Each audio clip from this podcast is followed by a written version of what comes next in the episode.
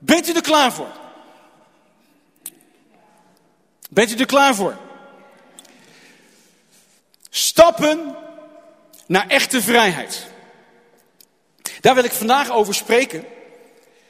En, maar laten we eens even gaan staan. Even gaan staan met elkaar. Even, even beweging komen. Even. Ja. En weet je wat we gaan doen? Dat kun je ook in je persoonlijk leven. Want soms kan je ervaren, ik zit vast. Het lukt niet. Ik loop ergens tegenaan. Wat moet je dan doen?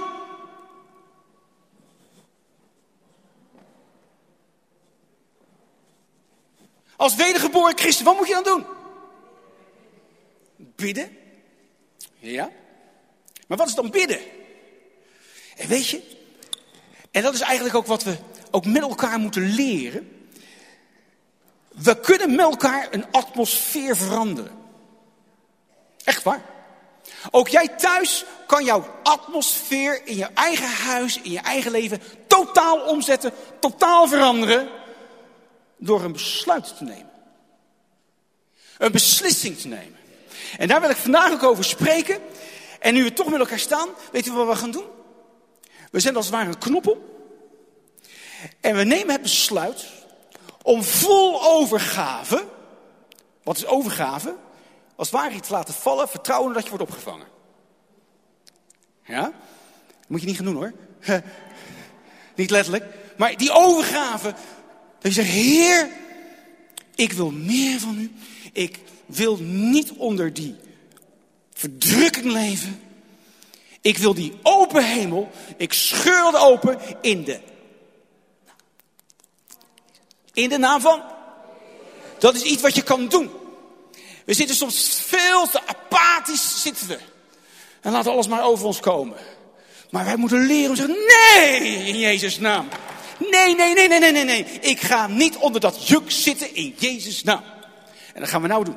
Met elkaar. Gaan we iets doorbreken? Gaan we iets verbreken? Want het is veel te mat vanochtend. Dan zit ik daar en dan, dan ben ik aan, aan begin, dan, dan, van binnen, dan ben ik helemaal. Oeh! Sorry, maar zo zit ik in elkaar. En dan wil ik eigenlijk de boel wel.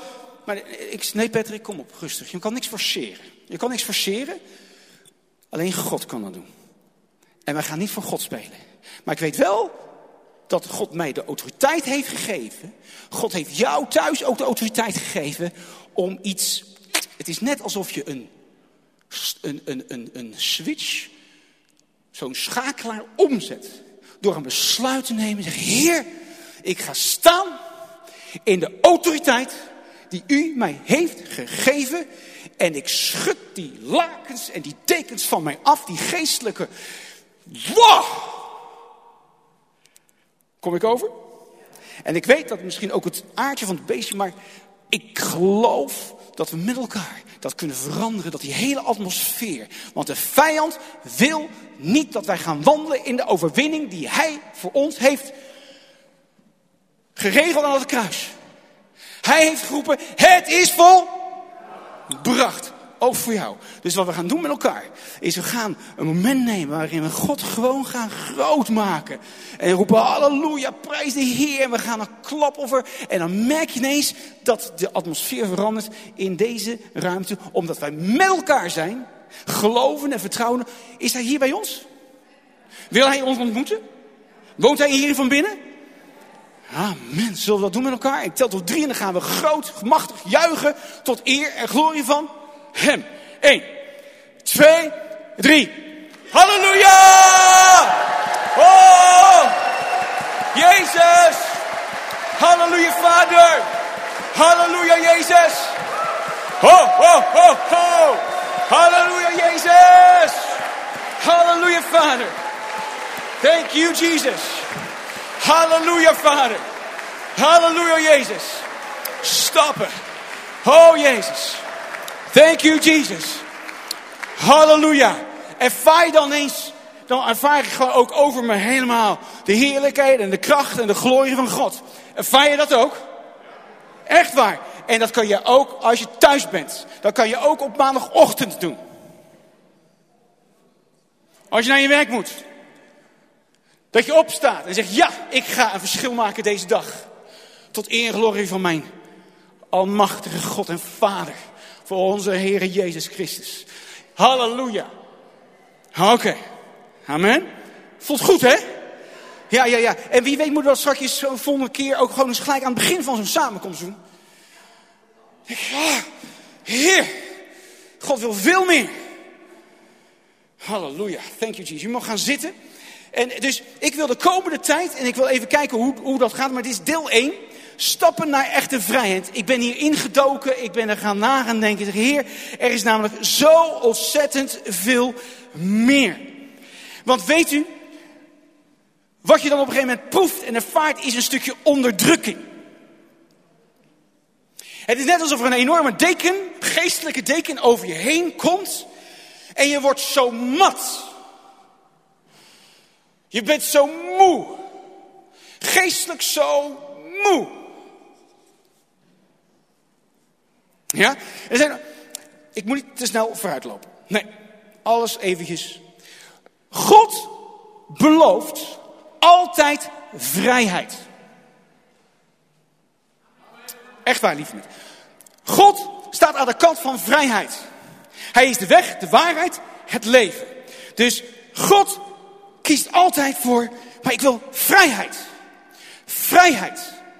De duivel, die heeft een ander programma. De duivel heeft een totaal ander programma en die wil matheid. Die wil luiheid. Die wil niet dat je doorbreekt. Die wil niet dat je die geestelijke dekens omver slaat. Die wil dat je in je bed blijft liggen. Die wil dat allemaal niet dat jij opstaat en zegt: Ik ben een kind van God.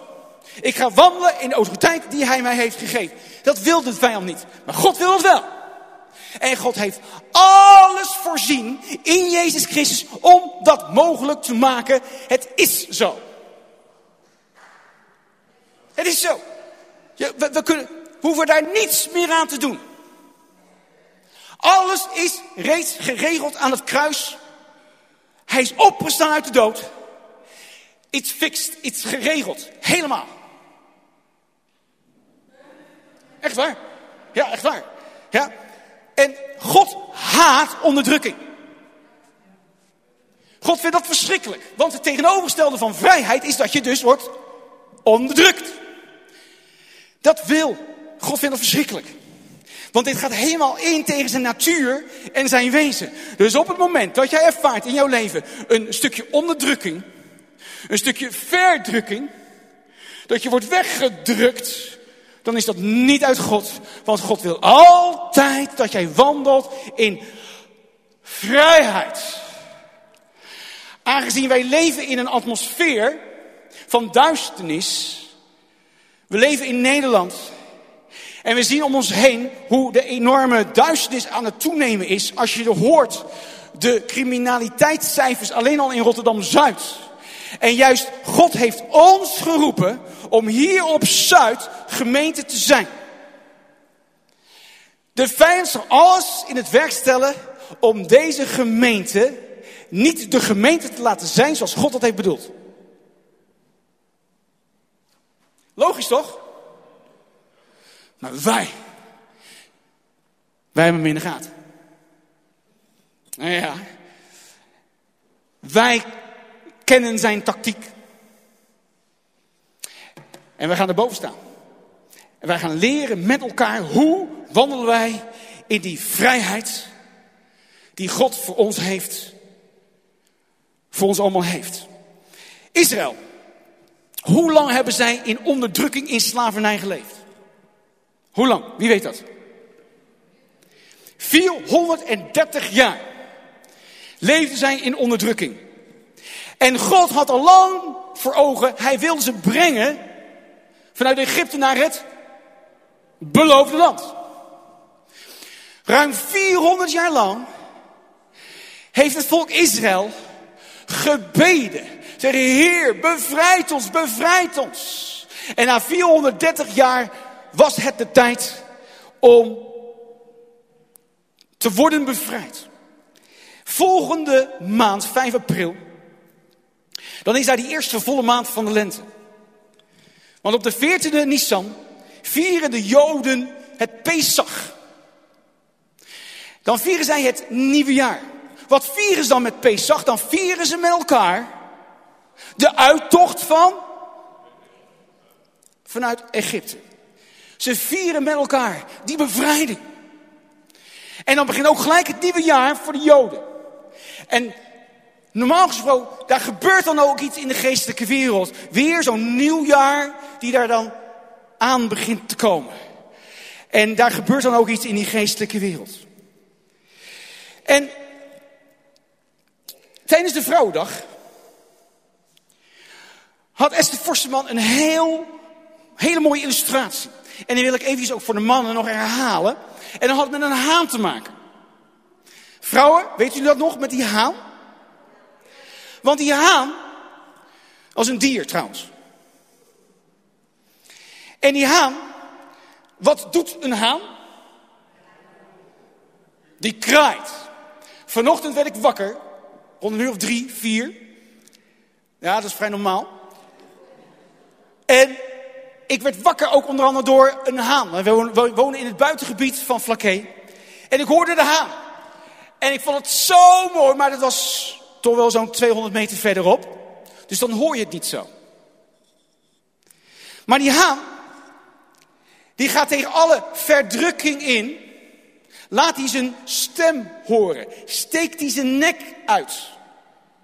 Want een, een, heb je wel eens een haan zien kraaien? Wat doen ze dan om te kunnen kraaien? Dan strekt hij zijn nek uit en dan is het... Zoiets. En vanaf kinds af aan heb ik al kippen gehad.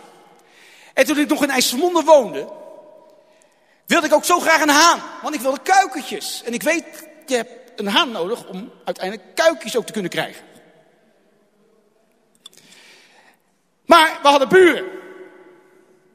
En die buren waren niet zo blij. Maar wat had ik nou? We hadden een schuur. En in die schuur hadden we dat nachthok staan. En in dat nachthok deden we dan de kippen.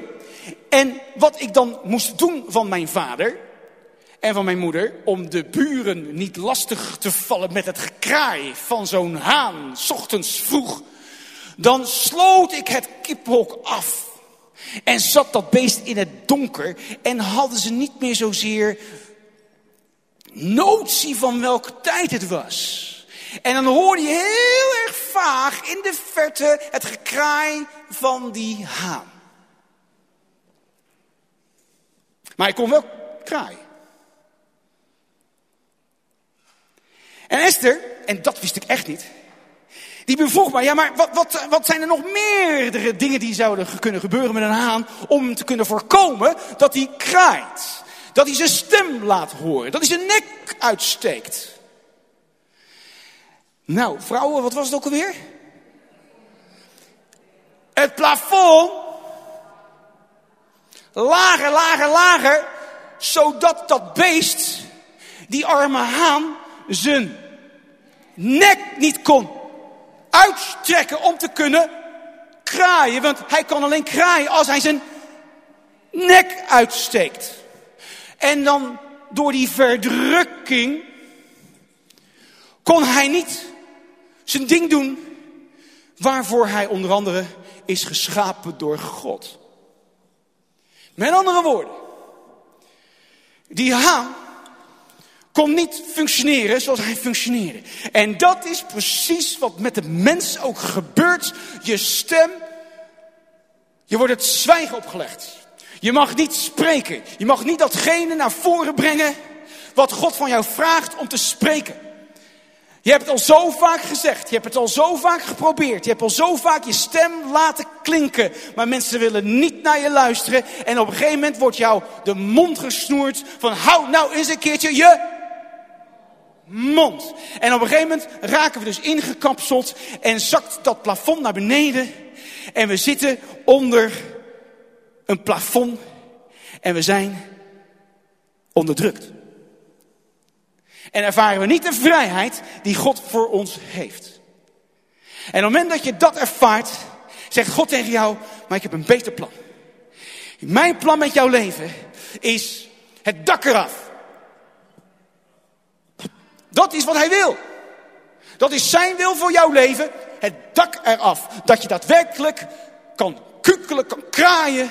Je stem kan laten horen. Je nek kan uitsteken. En precies diegene, die persoon kan zijn zoals God dat heeft bedoeld. Want niemand wil om drie uur, vier uur gewekt worden door een, door een haan.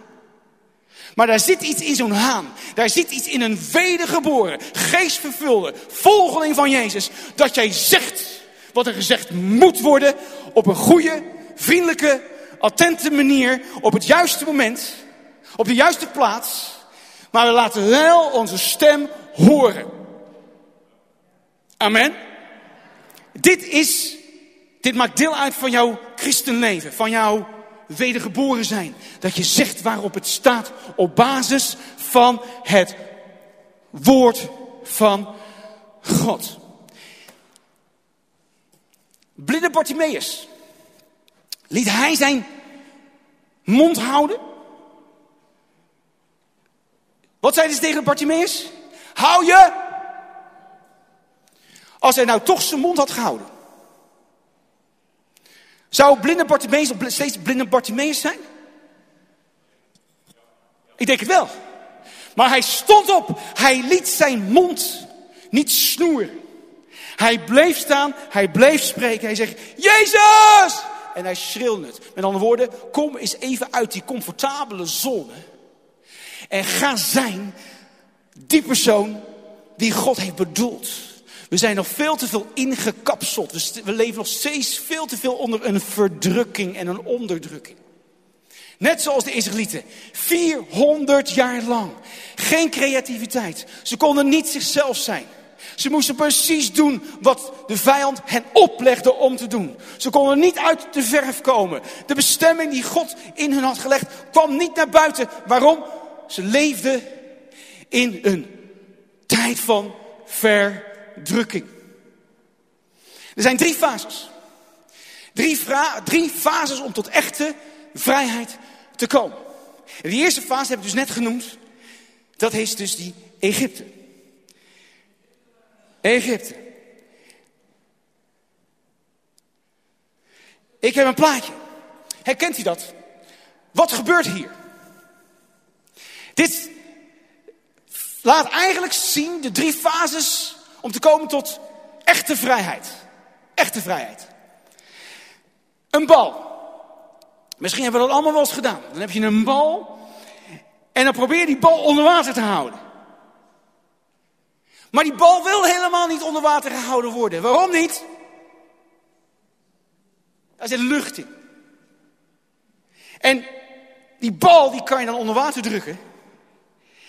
En die bal probeert echt los te komen.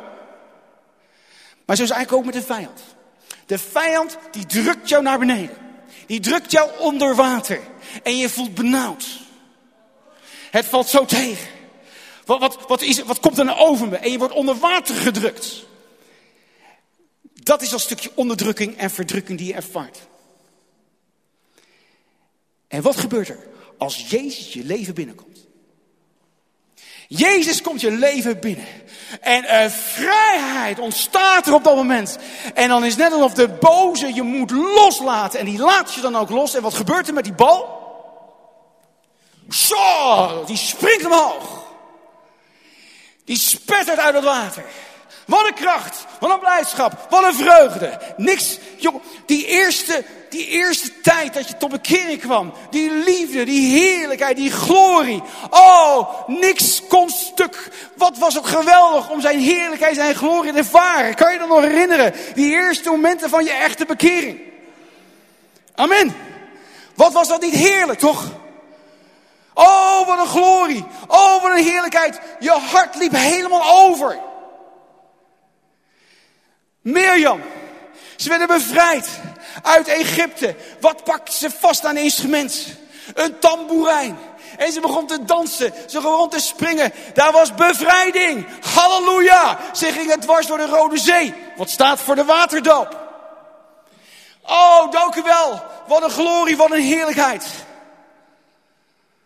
En dan komt het. Ze waren bevrijd. Maar ze waren nog niet vrij. Dat is een heel groot verschil. Ze waren bevrijd, maar ze waren nog niet vrij. Want ze konden nog niet in die vrijheid wandelen.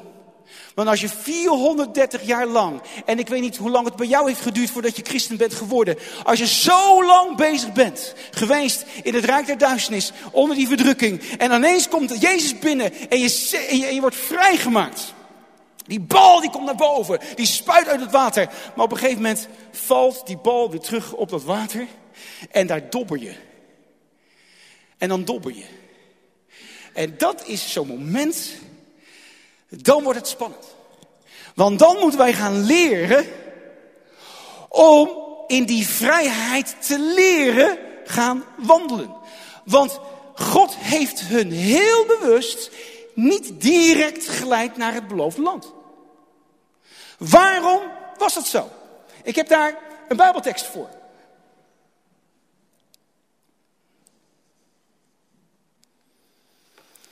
Wat staat er? Toen Farao het volk had laten gaan, leidde God hen niet op de weg naar het land van de Filistijnen. Hoewel, hoewel, deze de naaste was, het dichtstbij was. Want, God zei, het volk mocht eens berouw krijgen wanneer zij in strijd gewikkeld werden en naar Egypte terugkeren. Daarom liet God het volk zwenken de woestijnweg op naar de Schelfzee. En ten strijde toegerust trokken de Israëlieten op uit het land Egypte. Wat gebeurt hier? We zien daar een woordje toen, we zien een woordje want en we zien een woordje daarom. Ze werden uitgeleid. 400 jaar lang onder die slavernij, onder die verdrukking. En ineens waren ze vrij over de blijdschap. Maar God wist, ik kan ze niet gelijk brengen naar dat beloofde land waar ze oorlog moeten gaan voeren tegen de Filistijnen en de Ammonieten en de, al die Ieten.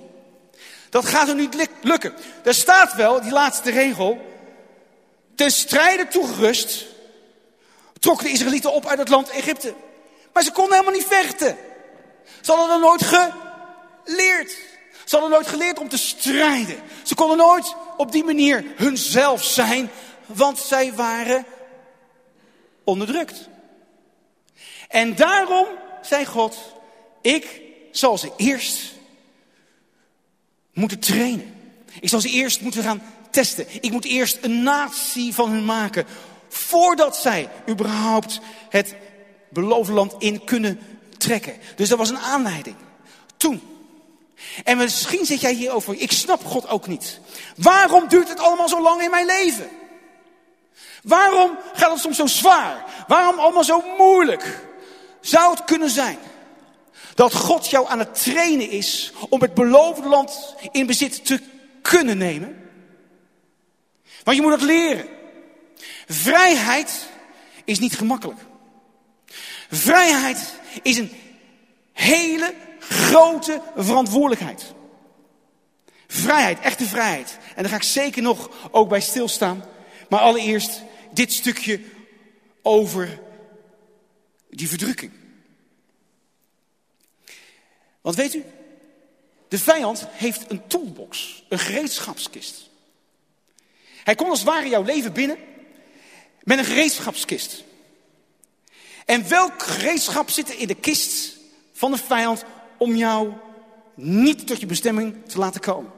En dat is, hij gebruikt afleiding, hij gebruikt misleiding, hij gebruikt verleiding, intimidatie en manipulatie.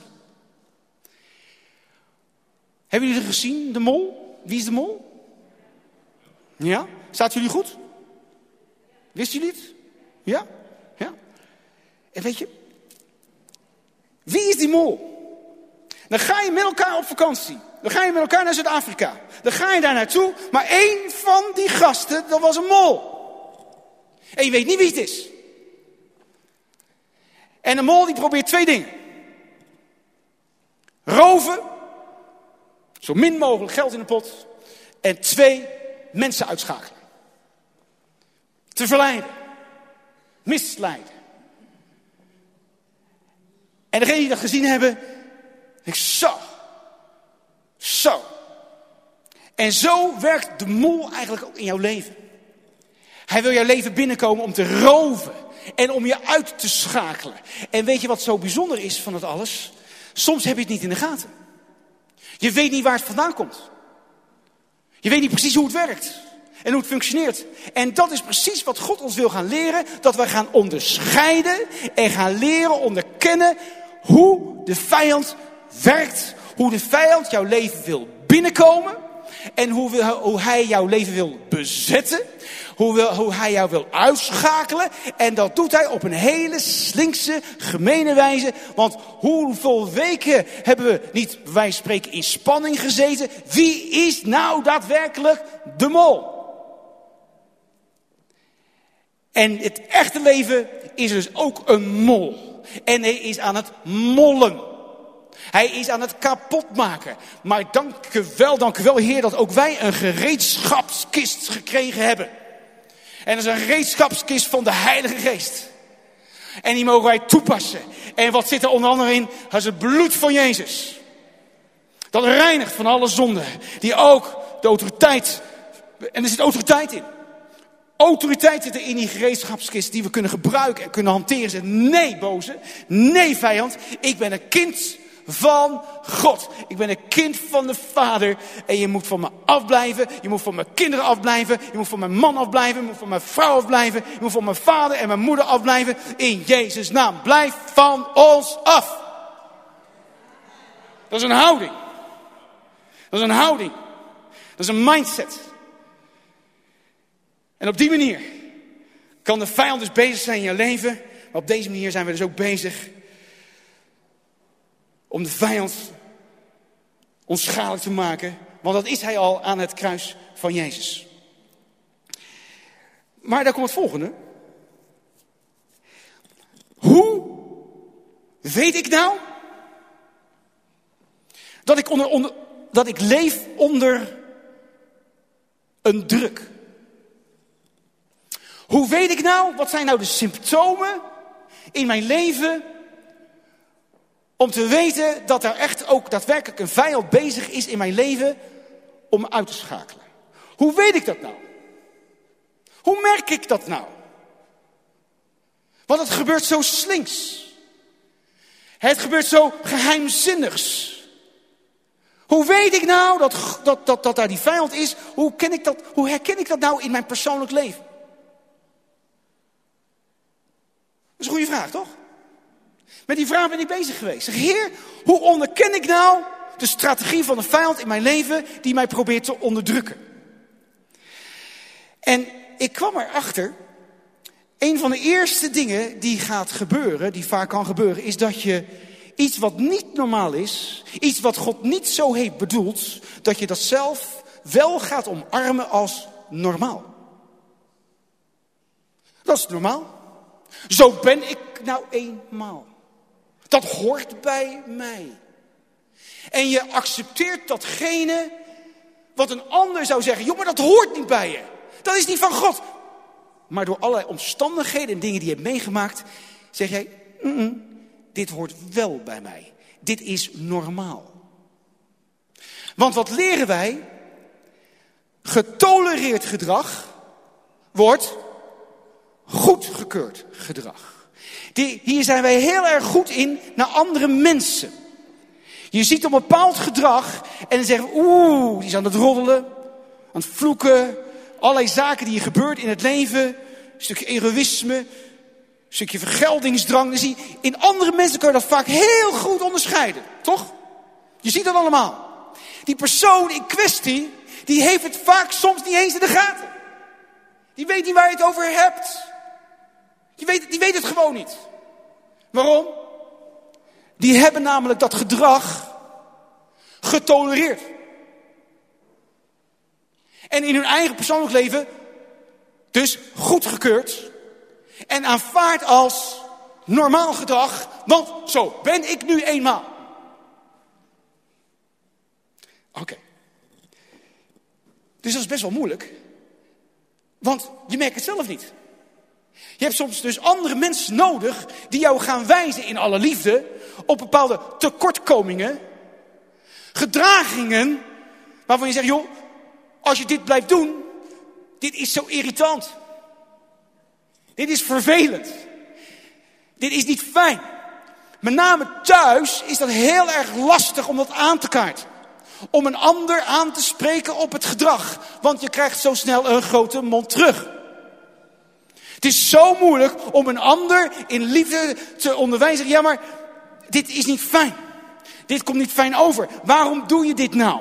Heel lastig, want dan gauw, zeker met pubers in, de, in het huis. Deuren worden al snel dichtgegooid.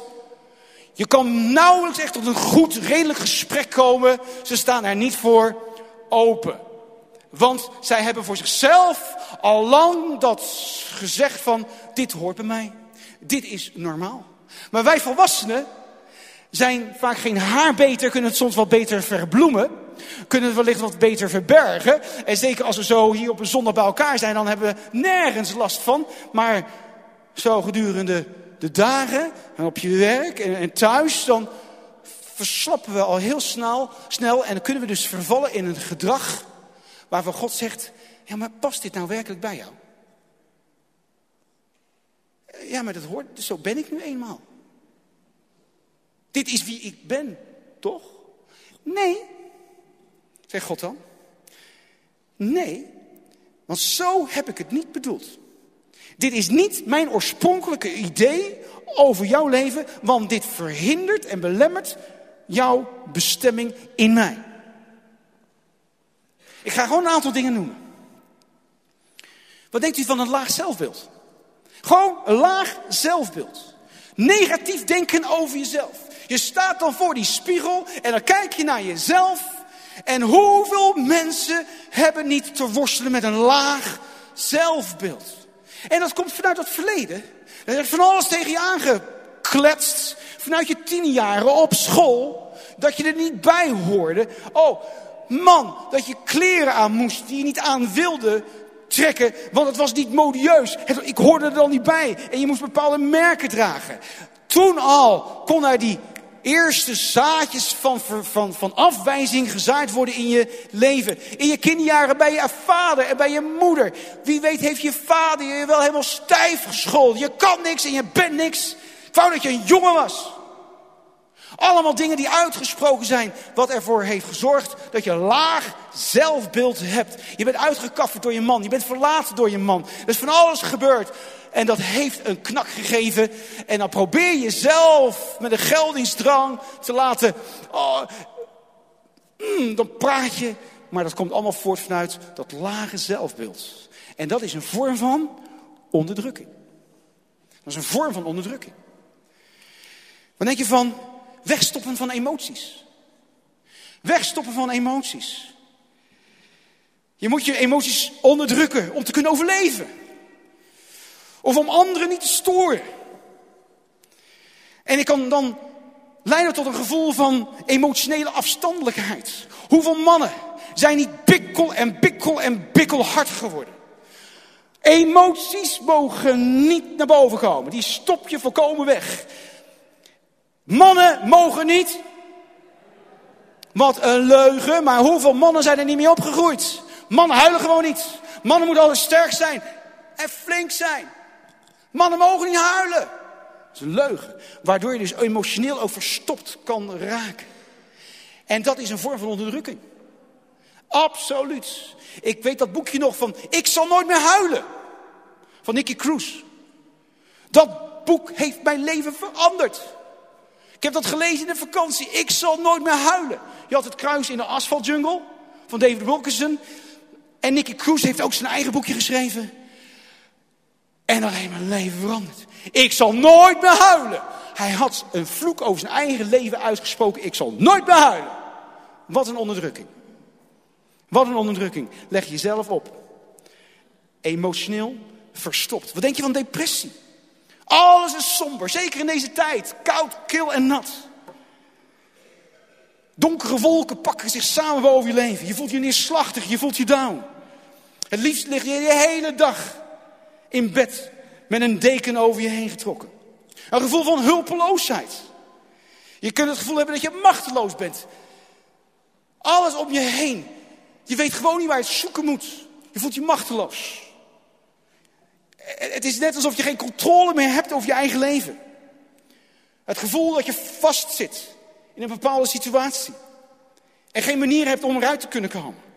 Je voelt totaal overgeleverd aan de grillen van anderen. Je kunt geen kant op. Je staat met de rug tegen de muur. Aan alle kanten voel je vastgezet. Je voelt je hulpeloos. Met andere woorden, daar is een vorm van onderdrukking in je leven. Angst. Wat denkt u van angst? Dat is altijd die, dat gevoel van dreiging. Die panische angst. Die verlammend werkt. Wat ook je functioneren negatief beïnvloedt. Angst is zoiets akeligs. Dat is een hele akelige vorm van onderdrukking in je leven. Overlevingsmodus. Je leeft amper. Je bent voortdurend aan het vechten om te overleven. Je kan eigenlijk niet meer genieten van het leven. Genieten is minimaal. Minimaal. Je bestaat. Maar echt leven? Want daar is altijd strijd. Daar is altijd moeite. Niks gaat zomaar. Je bent zo moe. Zo ontzettend moe. En dan ga je s'avonds naar bed. En dan slaap je wel. Maar de volgende ochtend word je wakker. En je bent nog steeds moe. Je hebt wel geslapen, maar je bent nog steeds moe. Je komt niet tot rust. Want je zit in zo'n overlevingsmodus. Een vorm van onderdrukking. En waar dat allemaal aan vastzit, daar zijn allerlei factoren en omstandigheden waar dat aan ten grondslag kan liggen. Wat denkt u van apathie? Gewoon apathie. Het gevoel van verlies van hoop en ambitie. Je verliest de hoop op zo'n betere toekomst. Dat is niet voor mij weggelegd.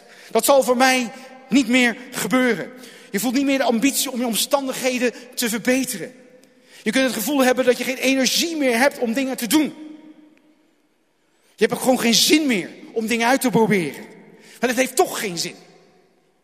Het heeft toch geen zin. Het maakt toch niks uit. Ik heb het al zo vaak geprobeerd. Ik wil het gewoon niet meer. Ik heb er genoeg van. Laat mij maar. Laat me alsjeblieft maar met rust. Het hoeft voor mij allemaal niet meer. Het is te veel, het leven is te zwaar. Laat maar. Ook dat is een vorm van onderdrukking. En wat denkt u van die woede en frustratie? Oh, wat kan je boos zijn van binnen.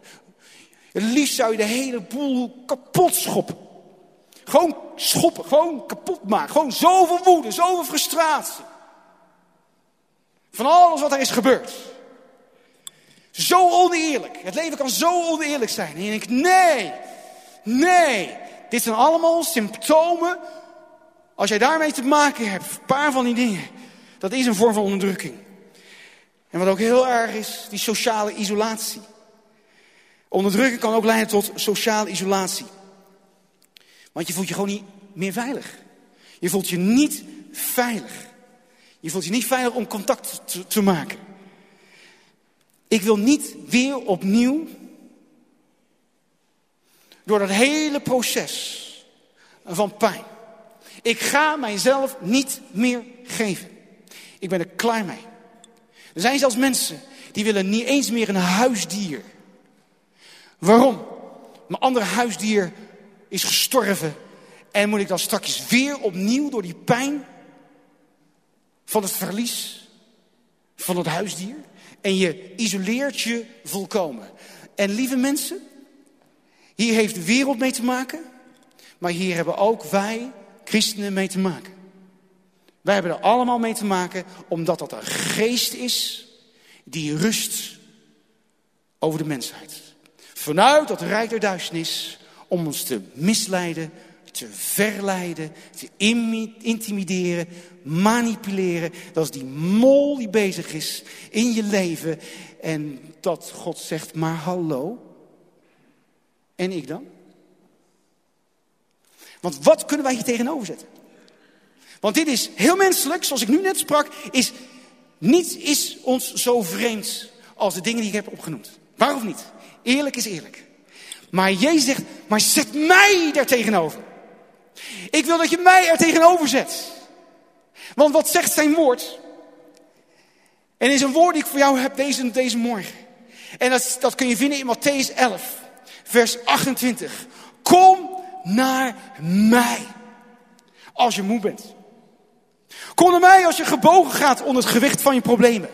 En ik zal je rust geven. En wat staat er namelijk? Kom naar mij. En is helemaal in lijn ook met de woorden die net ook zijn uitgesproken. Ga niet naar Jezus toe voor jouw genezing. Je mag er wel naar hem toe gaan voor je genezing. Maar hij zegt, ja maar kom naar mij. Ik wil dat je mij ontvangt als persoon. Waarmee je intiem bent. En dan vloeit er automatisch op een gegeven moment genezing en bevrijding en herstel uit. Zoek niet de genezing, maar zoek de geneesheer. Zoek niet de bevrijding, maar zoek de bevrijder. Zoek niet de redding, maar zoek de redder. Want dat zegt hij hier. Kom naar mij, want ik wil intiem met je zijn. Ik wil met je samen. Ik wil, ik wil dat je, ik wil jouw koning zijn. Ik wil jouw koning zijn. Ik wil dat je je hart openzet voor mij, dat ik binnen mag komen en ik God kan zijn. De geneesheer kan zijn, de bevrijdeur kan zijn, want dat is wat ik voor jou heb. En al die symptomen van die onderdrukking, die wil ik allemaal, want die is verbroken aan het kruis, daar is bloed heeft gevloeid. Dit is allemaal voor jou weggenomen. Alleen leer ermee om te gaan. Leer in jouw leven te wandelen in die vrijheid. En dat moet je leren. Je hebt die bevrijding meegemaakt, maar dat wil nog niet zeggen dat je vrij bent.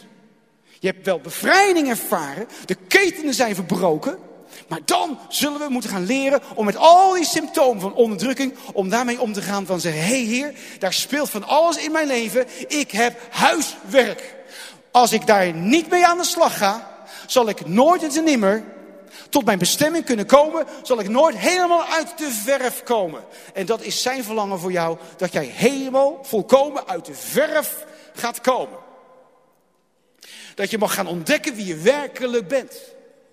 Want dat is een van de grootste worstelingen die je hebt in je leven. Wie ben ik nou eigenlijk? Ik ken mijn naam. Ik weet wie mijn ouders zijn. Meestal. Maar wie ben ik nou? En God zegt, ik wil jou meenemen in het herontdekken van jezelf. Want er is zoveel geroofd. Er is zoveel kapot gemaakt. Er is zoveel gemold in jouw leven. Maar de dag gaat aanbreken dat ik jou ga leren om te wandelen in een stuk vrijheid. Volkomen vrijheid. Een echte vrijheid die ik voor jou heb vanwege het kruis, vanwege Jezus, het bloed van Jezus, de opstandingskracht in jou. En dit is allemaal voor jou. Amen. Ik leef door geloof. Ja, amen. Mogen we hier. Ja, amen. Ik leef door geloof. Niet door angst. Ik leef door geloof. Niet door apathie. Ik leef door geloof en niet door frustratie en woede. Ik, ik leef door geloof en niet door middel van mezelf te isoleren. Ik leef door geloof. En dat gaat tegen mijn gevoelens in, maar ik moet leren om mijn gevoelens te kanaliseren op een manier zoals God dat behaagt overeenkomstig zijn woord. En dan moet je leren. En dat is een vechten. Dat is een knokken. Maar het is soms zo makkelijk om achterover te zeggen, te leunen en zeggen, nou, het hoeft voor mij niet meer. Ik ben eigenlijk er helemaal klaar mee. En God zegt, nee, dan ben ik voor niks gestorven. Ik ben juist voor jou gestorven. Om jou ook dat, om dat ook mogelijk te maken. Kennen we, we kennen allemaal dat prachtig mooie verhaal van de verloren zoon. En daar ga ik mee eindigen. Een van de meest mooie teksten die in dat verhaal voorkomt. Wat denk ik de sleutel is voor die verloren zoon, is een zin die hij zelf heeft uitgesproken. Wat was die ene zin van de verloren zoon? Laten we dat even visualiseren. Hij was rijk weggegaan bij zijn papa. Want een deel van de erfenis had hij meegekregen. En hij ging feesten. Hij dacht vrij te zijn. Hij dacht dat. Met al dat geld. Ik kan doen en laten wat ik wil. En dat is precies niet wat vrijheid inhoudt. En uiteindelijk Uiteindelijk ging hij voor gas. Uiteindelijk raakte zijn geld op en daardoor ook al zijn vrienden raakte hij kwijt. En uiteindelijk, waar kwam hij terecht? In een varkensstal. Hij stonk naar de varkens. Hij keek om zich heen en hij zag varkens. En hij, alles, alles was varkens. En in die tijd, zeker toen Jezus dat verhaal vertelde, iedereen van wow, varkens. Want varkens zijn onrein. En juist die verloren zoon, die was daar. En toen gebeurde er iets moois. Hij keek om zich heen. En toen zag hij wat er aan de hand was. Hij zag waar hij zich bevond. En hij ging nadenken. Hij ging zijn eigen leven in een spiegel bekijken. Ik ga u iets leren. Dit heeft mijn leven totaal ook veranderd. En tot op vandaag de dag gebruik ik dat principe nog steeds. En ik wil u dat niet onthouden. En dat is het volgende. Die verloren zoon heeft dat ook gedaan. Denk eens even na, voor jezelf. U kunt daarvoor ook uw ogen sluiten. Ook thuis, lieve mensen thuis. Denk even na. Daar waar u zich nu bevindt in je leven. Maakt niet uit hoe oud je bent. Maar op dit moment bevind je je ergens in je leven, in een bepaalde fase. Ben je tevreden? Ben je blij? Als je terugkijkt naar al die jaren, ben je blij waar je nu bevindt? Gewoon een hele eerlijke, open vraag. Ben je tevreden? Die verloren zoon, die keek en die zag, hij was niet tevreden. Hij was niet happy. Hij was helemaal niet blij in de situatie waarin hij zat. En ik weet niet waar jij je bevindt in jouw leven, in wat voor omstandigheden jij verkeert. Maar ik kan me voorstellen dat op een gegeven moment je op een punt kan komen, zeker als je in die overgang terechtkomt, in dat als je 30, 40, 50 jaar bent en je kijkt eens terug en denkt van, is dit het dan? Is dit het dan? Is dit dan het leven? En stel dat je toch tot een conclusie komt dat je zegt van nee, ik ben niet helemaal happy. Ik geloof niet dat ik helemaal op die plek ben gekomen waar God mij hebben wil. Zou kunnen toch? De verloren zoon die kwam tot ontdekking, dit is niet waar ik moet zijn. Dat was een hele eerlijke constatering. En de les is, wat heeft er nou voor gezorgd? Welk gedrag, welke houding, welke mindset heeft mij ertoe gebracht om hier nu op dit moment in dit leven, in deze levensfase te zijn? Dat is gebeurd vanwege allerlei keuzes die ik heb gemaakt in het verleden. Want de Bijbel zegt ook, wat je zaait, dat zul je oogsten. Dus met andere woorden, dat wat ik heb gezaaid in het verleden, dat wat ik heb gedacht in het verleden, de mindset die mij heeft gevormd in het verleden, heeft ertoe gebracht dat ik nu ben waar ik nu hier ben. Toch? Toch? Ja, toch? Ja, hè? Oké. Dus dat wat mij hier heeft gebracht, en ik ben daar niet tevreden over, dan moet er iets veranderen. Want dat wat mij hier heeft gebracht, als ik daarmee dus doorga, gaat er helemaal niets veranderen. Toch? Want wat, dit heeft mij hier gebracht, dus ik moet mijn gedrag gaan veranderen. Ik moet mijn houding gaan veranderen. Ik moet mijn mindset gaan veranderen.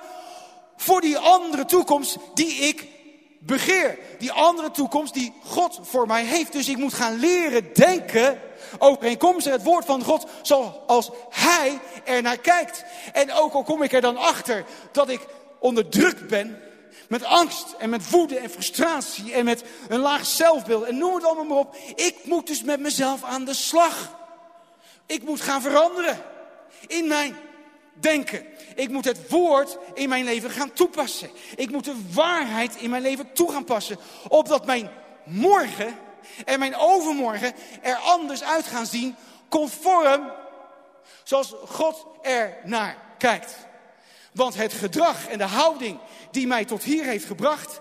Als dat een verkeerde houding is geweest en een verkeerd gedrag en een verkeerde mindset, dan moet ik wel veranderen, want ik kan het me niet voorloven om nog een keertje zoveel jaar door te schappelen. Wie is er moe van het schappelen? Zeg, nee, ik wil dit niet meer. Dat betekent dat er een kwalitatieve keuze gemaakt moet worden. Heel simpel. Zeggen, nou heer, het is klaar. Het is goed. Ik ben klaar met wat er gebeurd is. Ik omarm die nieuwe toekomst die u heeft.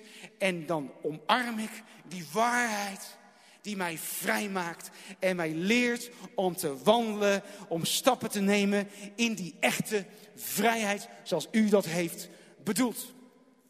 Want de zoon, die kwam tot zichzelf. Want dat was het woord. Hij kwam tot inkeer.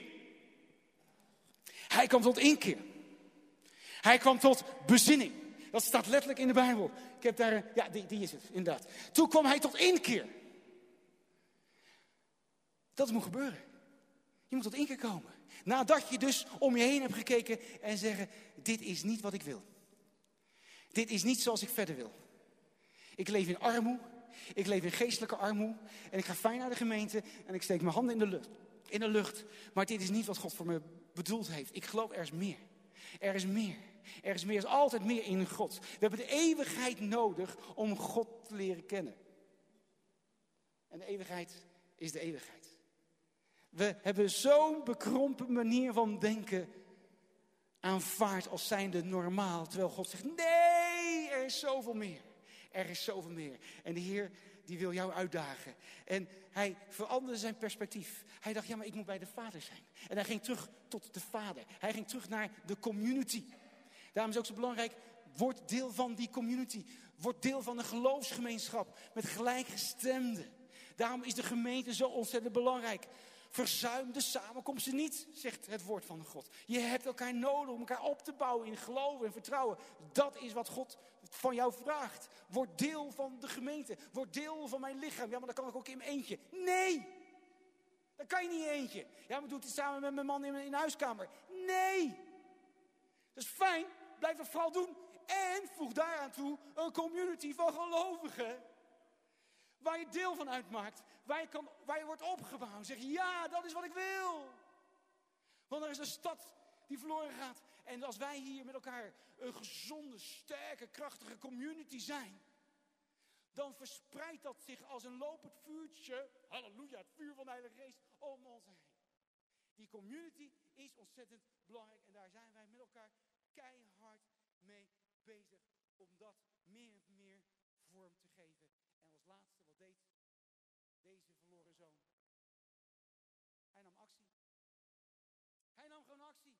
Hij stond op en zegt, het is klaar, het is voorbij. Ik, ik, ik, ik, ga, ik ga terug naar de Vader. En ik weet niet hoe mijn vader me zal verwelkomen, maar ik wil dit niet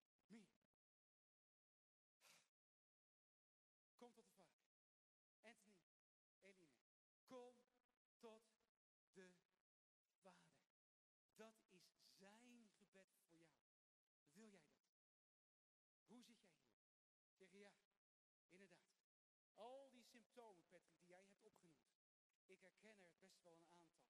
En die zijn vrij sterk ook wel best wel aanwezig in mijn leven. En ik moet ermee afrekenen. Dit kan niet zo langer. Want dit brengt mij nergens. Dit maakt mij niet gelukkiger.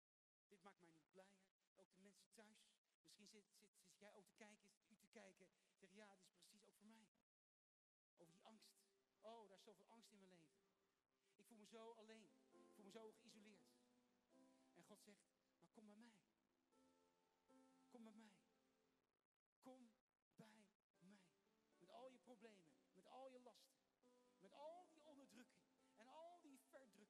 Kom tot mij. En ik wil bij je binnenkomen. En ik wil je genezen. Ik wil je herstellen. Maar omarm mij. Niet alleen de genezing. Niet alleen de bevrijding. Nee, omarm mij. Heb intimiteit met mij. En dan zal alles daarvan